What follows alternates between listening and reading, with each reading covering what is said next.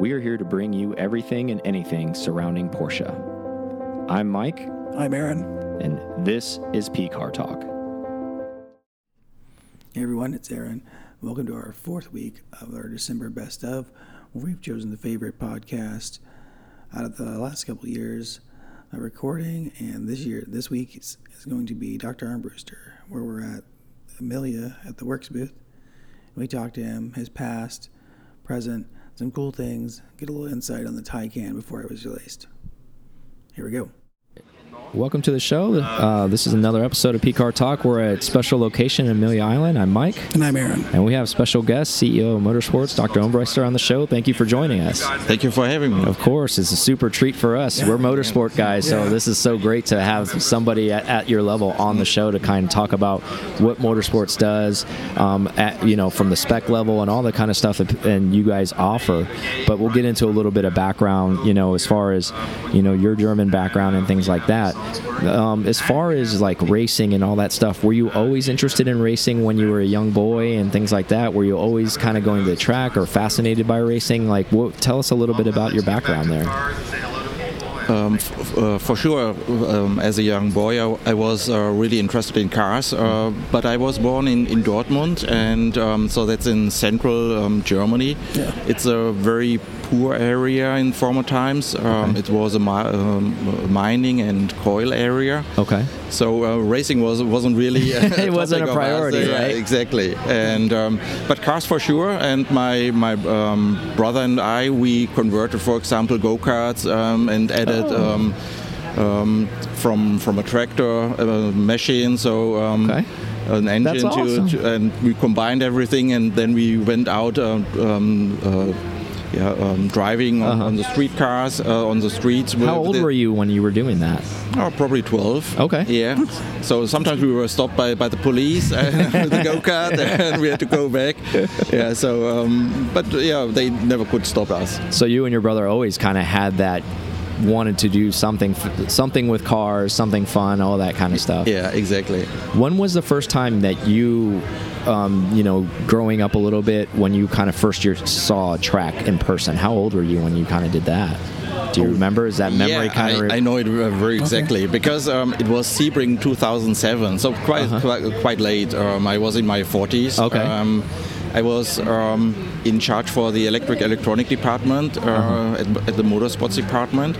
So um, I changed my job um, within Porsche several times Uh-huh. and um, tried just to um, uh, get more insights about the company. And um, then 2007, um, a colleague of mine asked me whether I want to take over the um, um, the electric electronic department, and um, it was uh, March 4th, uh, 1st. Uh-huh. Um, I started working, and uh, the first race was in two, uh, 2007 with the R Spider uh, Okay. in Sebring. Yeah, yeah. hour.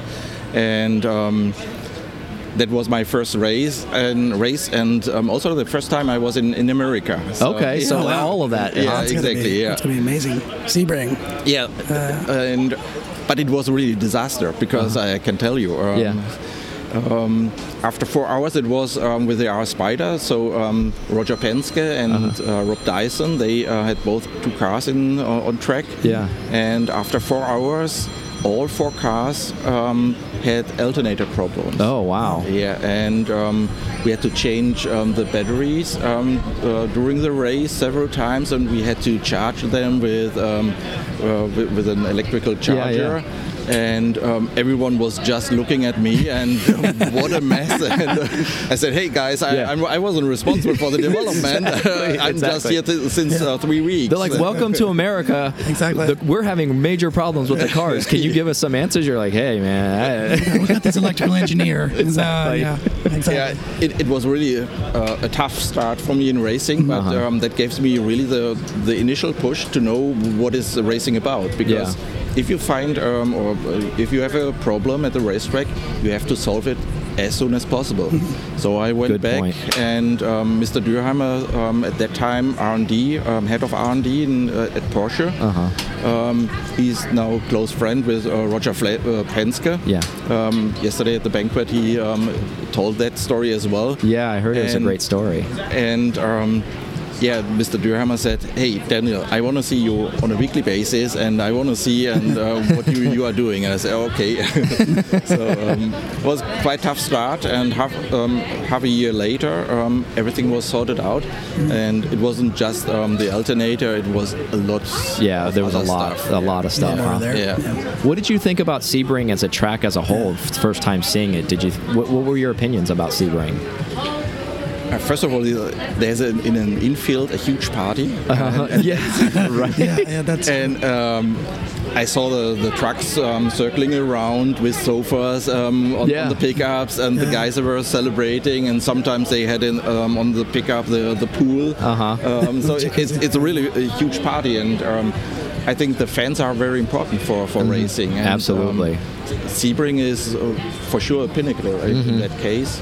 Uh, track-wise, um, from technical point of view, it, it's also um, quite tough because um, you have lots of bumps, Yeah. very um, very hard bumps, and if you want to develop or define the requirements for all your your parts, Mm-hmm. normally you uh, you just have normal loads, um, Mm-hmm. accelerations, for example. And um, if uh, we have um, analyzed all the, the tracks worldwide, and um, this leads into uh, re- our requirements. But normally, or in the past, we never um, covered um, the, the bumps uh, at Sebring. Yeah. Um, but meanwhile, uh, it's a very important part of the development, um, the bumps in, at Sebring, because everyone is aware if you can survive in Sebring, you can survive worldwide. That's a good point because a lot of people do say that even from the weekend racer or DE racers, it's the, the most treacherous track on your vehicle. Yeah, And yeah. if your car can survive that, then you're gonna you built a pretty good car, right? yeah, yeah. So there are just uh, a few tracks uh, worldwide you have to consider. It's um, Sebring because of the bumps, uh, Daytona because of the banking. Um, that's also a Yeah. huge load um, on the suspension. Okay. And um, Yeah, and that's the first race of the year, so that's it's kind of like off. here Yes. we go. yeah, we'll find out. Yeah. Yeah. No, but Sebring, I, I have you. Did you get to go out and, and vehicle like on a a hot lap in a vehicle and feel how rough Sebring actually was as Yeah. a passenger? Yeah, it's really rough, once. isn't yeah, it? Yeah, So you are really sh- um, shaked uh, Yeah. all around. Yeah. I mean, it's such an old track too. I think, I, like for us, we go because we go to so many tracks, and when we see that, I understand why the track is the way it is, but also at the same time, I kind of wish sometimes it wouldn't be the Yeah, way it is. yeah. You know, you know what I'm trying to Yeah, say? They'd update it a With, little bit. I, I think without um, the the bumps and the, the, the tough um, um, surfaces, Uh-huh. I think um, Sebring w- wouldn't be that um, special as Yeah, it is today. Yeah. and also the for the drivers Yeah. because they, they have to to um, to absorb all these loads. Um, Yeah. And if you are driving 12 hours under this load, that's really tough for the driver as well. Yeah, that's a very very good point because it, it they keep it that way because it's part of the characteristic Yeah. characteristic Yeah, yeah. of the track. Everybody knows every driver, every team that comes in. It's like, oh man, we've got Sebring coming up. Yeah. It's one of those things. It's like, Yeah, it, it, it's the same way as you, um, if you want to convert um, a pub, for example, which is very special, you want to make it um, uh, um, up to date. Yeah. It, it loses um, the the specifics, and Yes. um, I think that's with the racetracks as well. So sometimes you you sh- have to change things, but more for um, for our fans, so that it is a little bit more convenient. But the type of the um, the track shouldn't be changed. yeah. So the facility you guys have in LA, uh, we've visited a couple times. It's gorgeous. Yeah, it's, absolutely. it's amazing. And the tour that we had inside, it was it, it was absolutely amazing. And then the dyno is my favorite part in the back where you have that inside. And, and Eric and I have talked offline a lot about the uniqueness of having something that special there, and all of the special cars that you guys do see.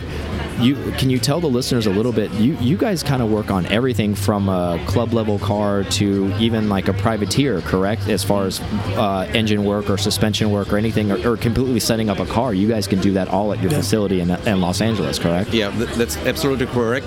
Um, our our speci- uh, specialty is um, for sure dr- uh, drivetrains, so engine and gearboxes, uh, because um, we are saying that's the heart of the car.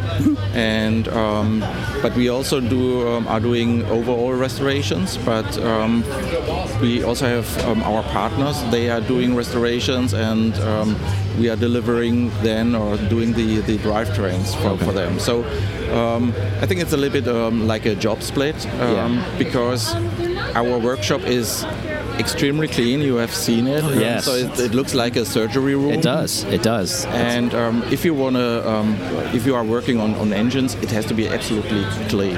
which makes total sense Yeah, because yeah. It, it should be surgical want because you don't want any no microns, nothing in the yeah, engine. yeah. And, and that sounds quite logic, but but it is for, for sure the, the case because um, when I was in, in Germany, um, responsible for the quality management in, in the motorsports department, um, we also had, uh, for example, one case. Um, um, when we uh, serviced the, the engines, Mm-hmm. um, there was construction work and Oh. um, then um, concrete dust fall down. Oh, and, yeah. Um, it was in the engine Oh no. and um, all of a sudden um, it, um, on the started racetrack it, it blew up Oh, wow. and we Yeah, did well- all the analysis and we found concrete and we never could think about where does it come from Yeah. and it was really a huge investigation um, and um, then we realized okay um, it was the concrete, Yeah. everything, and now everywhere in um, when we are doing um, services in Germany, but also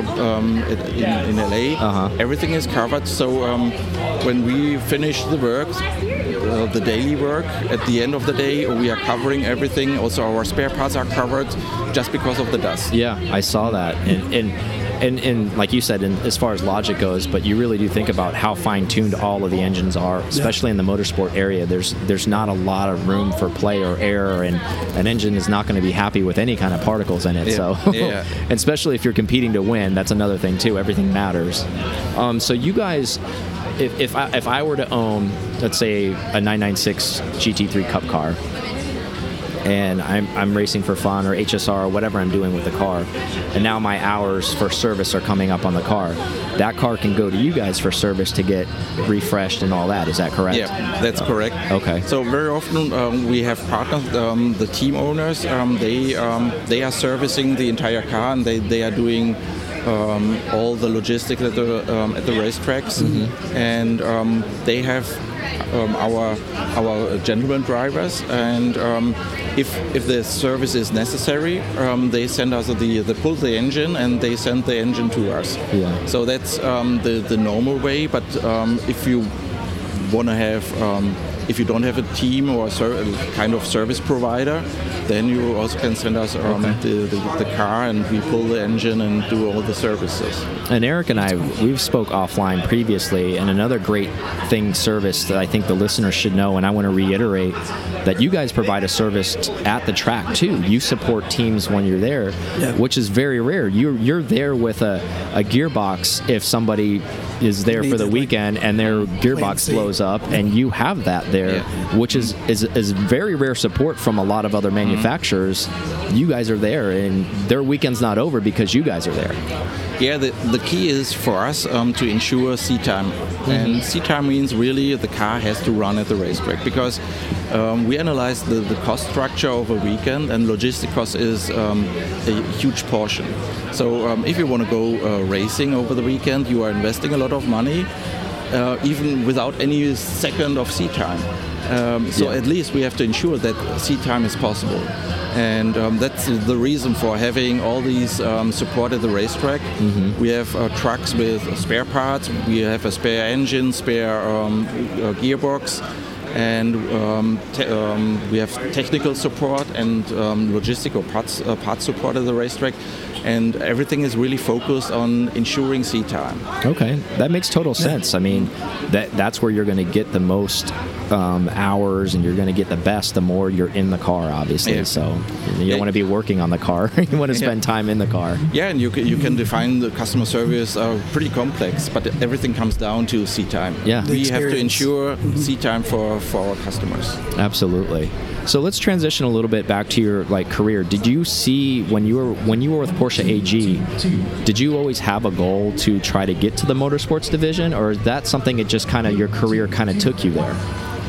Oh, when when I started 2000 um, at Porsche, my first project was the Carrera GT, and Oh, that's a what a great what a great seem to have start, isn't it? yeah, so my, my former boss, uh, he said, "Hey, uh, you are a very poor guy because down here after from here. this, after Yeah. this project, everything got, got worth." Exactly.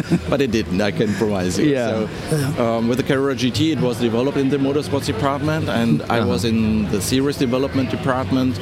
And um, as a young engineer, I was responsible for, uh, responsible for uh, for the lighting, Uh-huh. so headlights, tail Okay. lights, and um, the wiper system. Uh-huh. Um, so. Uh, for, for a newcomer, for a rookie, um, quite a lot. Yeah. And uh, I learned the business really from from the foundation. Okay. So at the CID, Yeah. I did all the concepts. Uh, I learned CID um, to work in uh, with Nice. CID, and um, but then it was ramped up quite fast. Yeah. uh, and um, three years later, I was responsible for the entire uh, electric electronics Wow. for, for the for this car. Must have been doing some good job then. Yeah. Y- Yeah, it was really perfect. Yeah, Yeah. It's, um, even when I see today at um, at Cars and Coffee, the Carrera GT. Uh, I was just going to say that car must be a special car for you in your heart too, Yeah, because yeah. that's where you started. So now, now that probably that car always holds a special co- spot Yeah. for you, huh? Yeah, f- for me personally, but but I think also for the company because Oh, um, yes. Oh, if you you look, this car is um, still still amazing. Look at the um, the styling of, Uh-huh. of our cars. Everything is related to it. So the middle console, it's um, far up today, Yes. um, and that was um, designed at, uh, uh, with the Carrera GT. Uh huh. Yeah, it was it was a trendsetter. Yeah, Exactly. Yeah. exactly. Yeah. And I tell people till and listeners and you I'll say it again, everybody, I still feel even at the price point that car is trading secondhand is still undervalued. Yeah. Yeah. Yep. That is such a special car. I mean, everything, if you guys do your research on it, I won't bore you with it on the show, but you should do your research because that car, so many special things have gone into that car that will never get done again into another Porsche. I mean, that really is th- such a special car. Yeah, and um, it's full carbon fiber. It's um, a V10. Mm-hmm. Yes. Mm-hmm. Um, so lots of unique topics. Um, a monocoque. Um, and that engine was derived. It was supposed to go into F1, correct? Yep. And then Yeah. that pull, that got pulled. So then Porsche said, "Okay, I'm gonna pu- let's put it in a road car." I mean, how special is that? That's so special. Yeah. That, the idea uh, that was a time of Wolf, uh, uh, Wendelin Wiedeking, and he was really he turned the company, uh, rescued the company um, for um, about the, the bank- bankruptcy in Uh-huh. the 90s. And um, everything was streamlined and to uh, have to be in focus on, on making money, and that's also the purpose of every company, to be Yeah. honest. So um, Yeah. If said- you're not if you're not making money, why are you there? right? yeah, exactly. And uh, otherwise, we, we can't offer even today a nice product. Exactly. So, um, and with this car, he said, um, we have all the concepts made in motorsports, and now let's turn it into a street legal car. yeah. And uh, lots of. What a gift to the public that he did to do that, though. And, and a gift um, to the uh, engineers Yeah. because it was really fun to Yeah. to do all And And luckily for you, engineering. you, yeah, you got to be a part of that from the very beginning. I mean, that must have been you must have been mind blown. You know, when you first there as a, as a rookie, like you were saying, you were probably you know obviously very professional when you're at work, but like in your mind, you're probably thinking like, is this really happening? Like I'm really I'm I just got here and I get to work on this thing. Yeah. I get to work on the flagship. Yeah, I mean, and it's still to this day, I feel the same way about you. I feel with Porsche, from a manu- at least from a modern standpoint, that car will always be very special to me. And I, if I ever get an opportunity to like afford or own one of those cars, Yeah. I will. Oh, I will. I want one of those Yeah. so badly. They're just. They sound so good. They're just everything about them is so so right good. And also, as a collector car um, and in future a vintage car, um, it, it's quite easy to maintain um, this car and getting parts for, for it. Yeah. Um, because uh, I'm an electrical engineer, was responsible for, le- uh, for the electronics, so it was based on um, on the Boxster um, Yeah. architecture. That's awesome. So Yeah. it, it's really a very robust um, electronic system, Mm-hmm. and I think um, that's that's the key for the future to um, also have um, the um, the knowledge to um, to keep these cars To running. it. Yeah. And with the newer cars or with the today's car, we have lots of electronics and lots of software components in, in these cars. Mm-hmm. So um, it's getting more difficult in the future also um, to um, to documentate everything, keep uh, the knowledge in the company, so that we also can. Um, keep the uh, older cars uh, Yeah. running. Yep. Yeah, and and, Porsche and, Classic, and, and yeah. Porsche's invested into Porsche Classic, so you can Yeah. see that there's this Porsche as a company has gotten behind wanting to keep these cars alive, which is a great thing as Yeah. well. So, So- you get to keep your baby alive. Yeah. so 70 cars, uh, 70 percent of um, sold cars right now are still um, on streets, Which is amazing. Yeah. Yeah, I mean, this is a good testament here at Amelia Island. Look at how many Yeah. vintage cars are here, still on the road, and all of the most of these cars drove here Yeah. to this event. And lots of cars are looking better than you. exactly right. Yeah. Also. Well maintained. Yeah, Yeah. Porsche people love their stuff. Yeah. So you were talking about the future, which I kind of want to touch on a little mm. bit and tap into some of maybe some of your knowledge. So talking about LMP car when the prototype car when it was the hybrid system.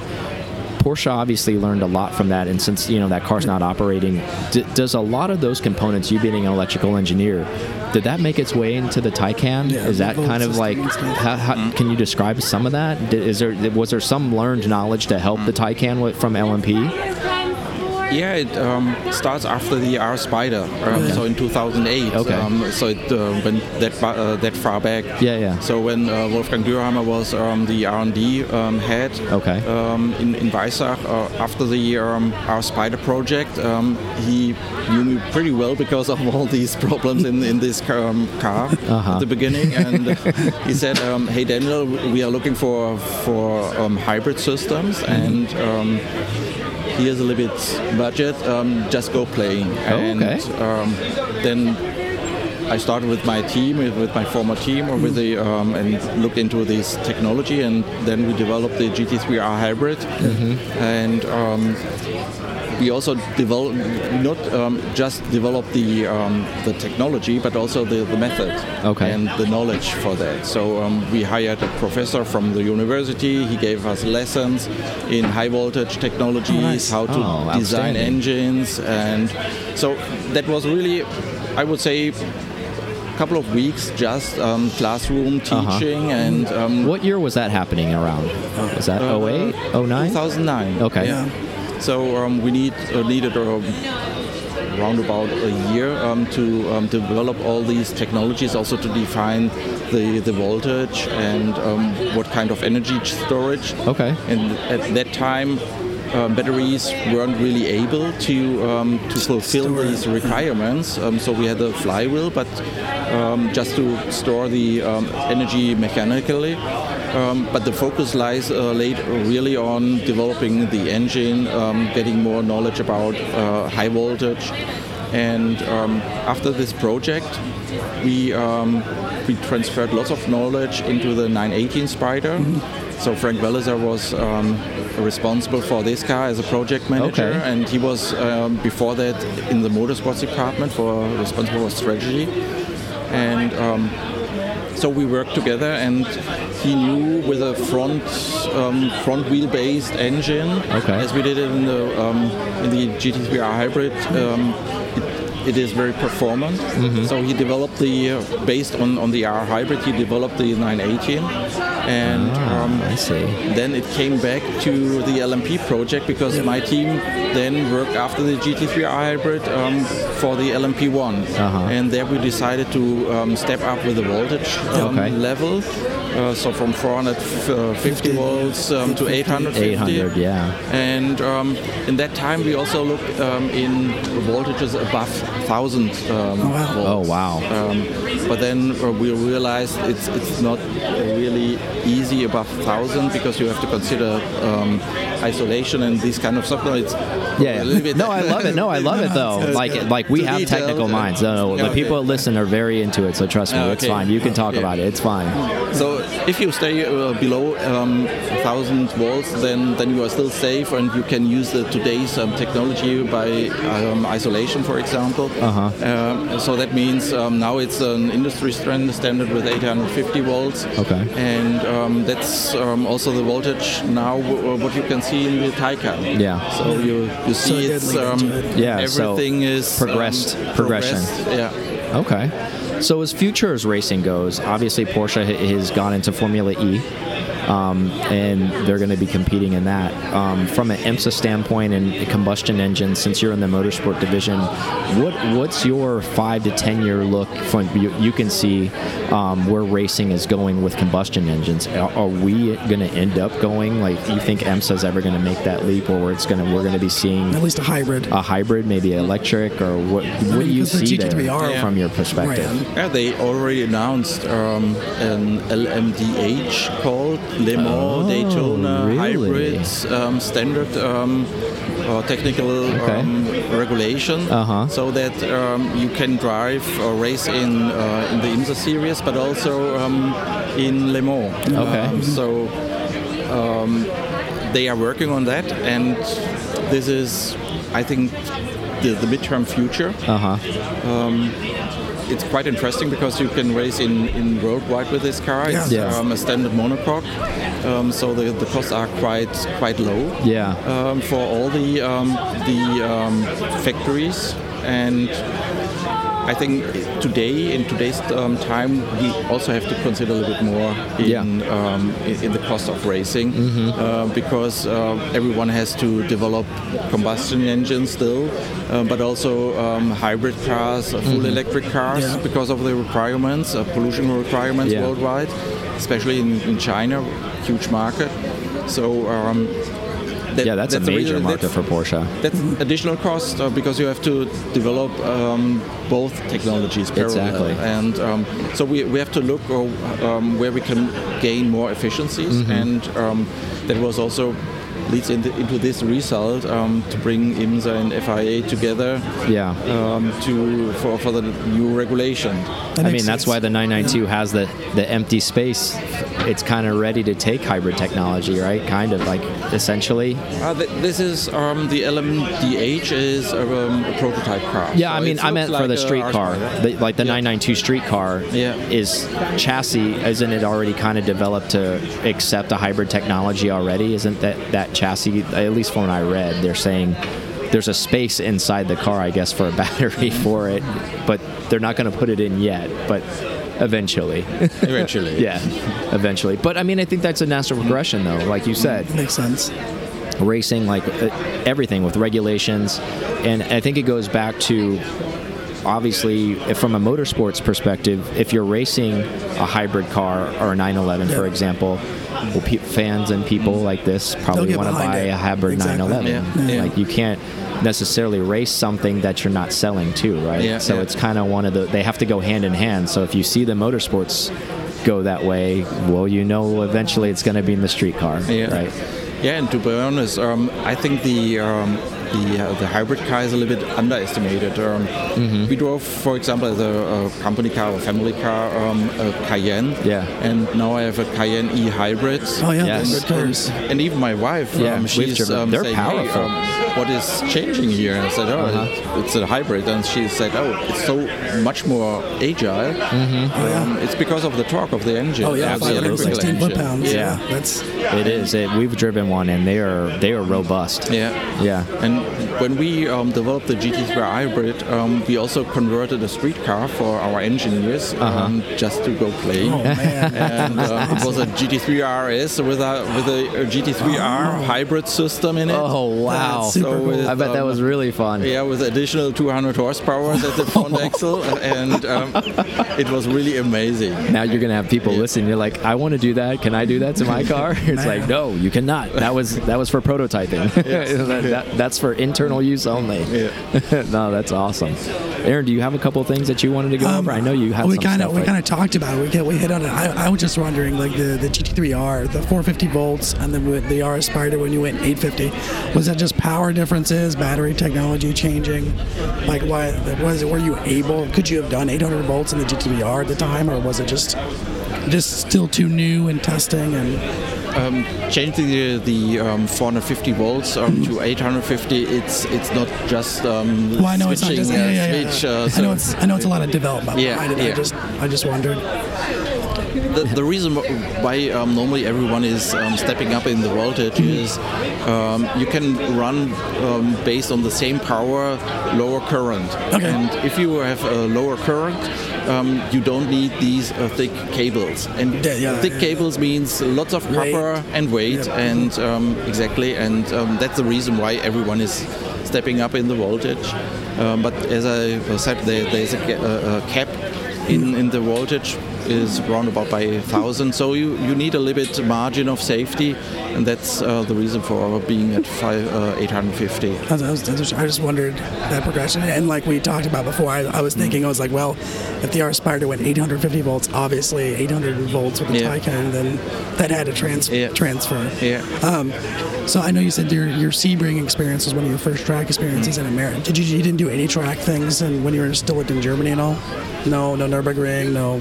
Before that, Yeah. uh, no, um, um, no.